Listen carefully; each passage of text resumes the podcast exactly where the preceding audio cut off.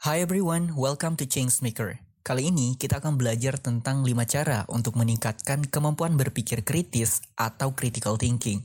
So well, let's start it. Setiap hari kita selalu dihadapkan oleh banyak pilihan dalam menjalani sebuah kehidupan. Karena memang kehidupan itu sendiri adalah sebuah pilihan. Apakah Anda mau melanjutkan hidup atau menghentikannya? Itu adalah pilihan. It's mean like living or dying. Semakin berkembangnya zaman, maka semakin banyak pula manusia itu dihadapkan oleh banyak pilihan. Jika di zaman purba dulu, manusia memiliki sedikit sekali pilihan. Misalnya, akankah hari ini makan atau tidak?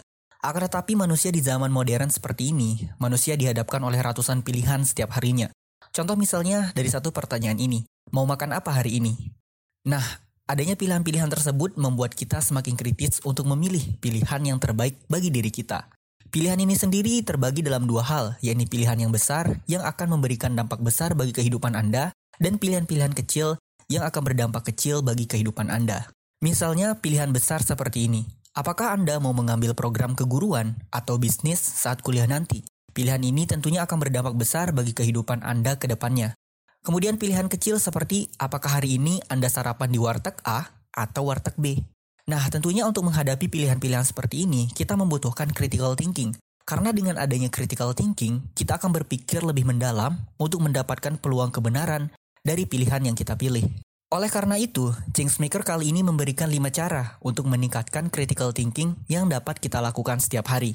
So, are you ready to improve your critical thinking? Let's do it.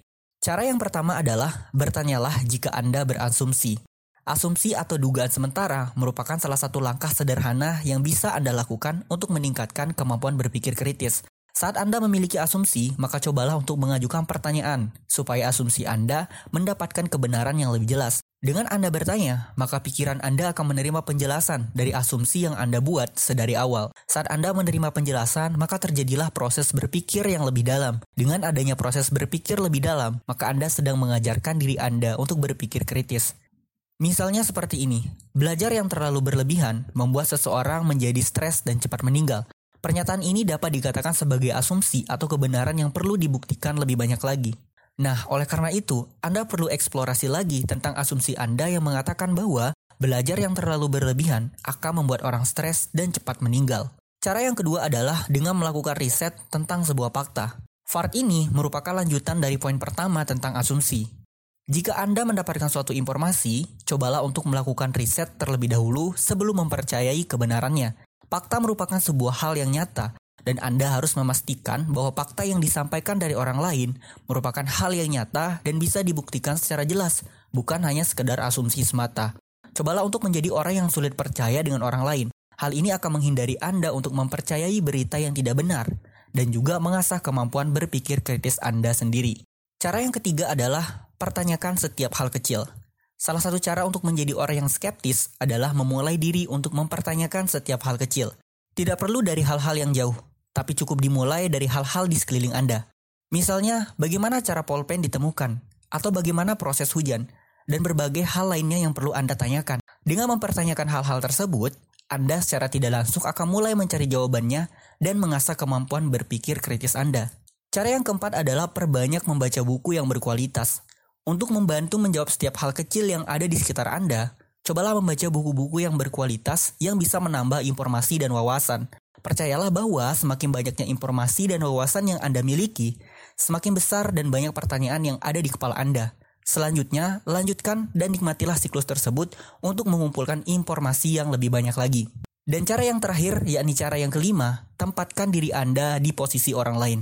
Cara sederhana yang terakhir yang bisa Anda lakukan untuk mengasah kemampuan berpikir kritis adalah dengan coba untuk menempatkan diri sendiri di posisi orang lain. Dengan cara menempatkan diri pada posisi orang lain akan meningkatkan rasa empati dan mengurangi rasa ego dalam diri. Anda akan belajar mengerti dan mempelajari teknik berkomunikasi dan juga mengasah kemampuan diri untuk mengerti mengapa hal itu terjadi dari perspektif orang lain. Misalnya seperti ini, seorang teman yang sakit dan tidak bisa menghadiri undangan Anda.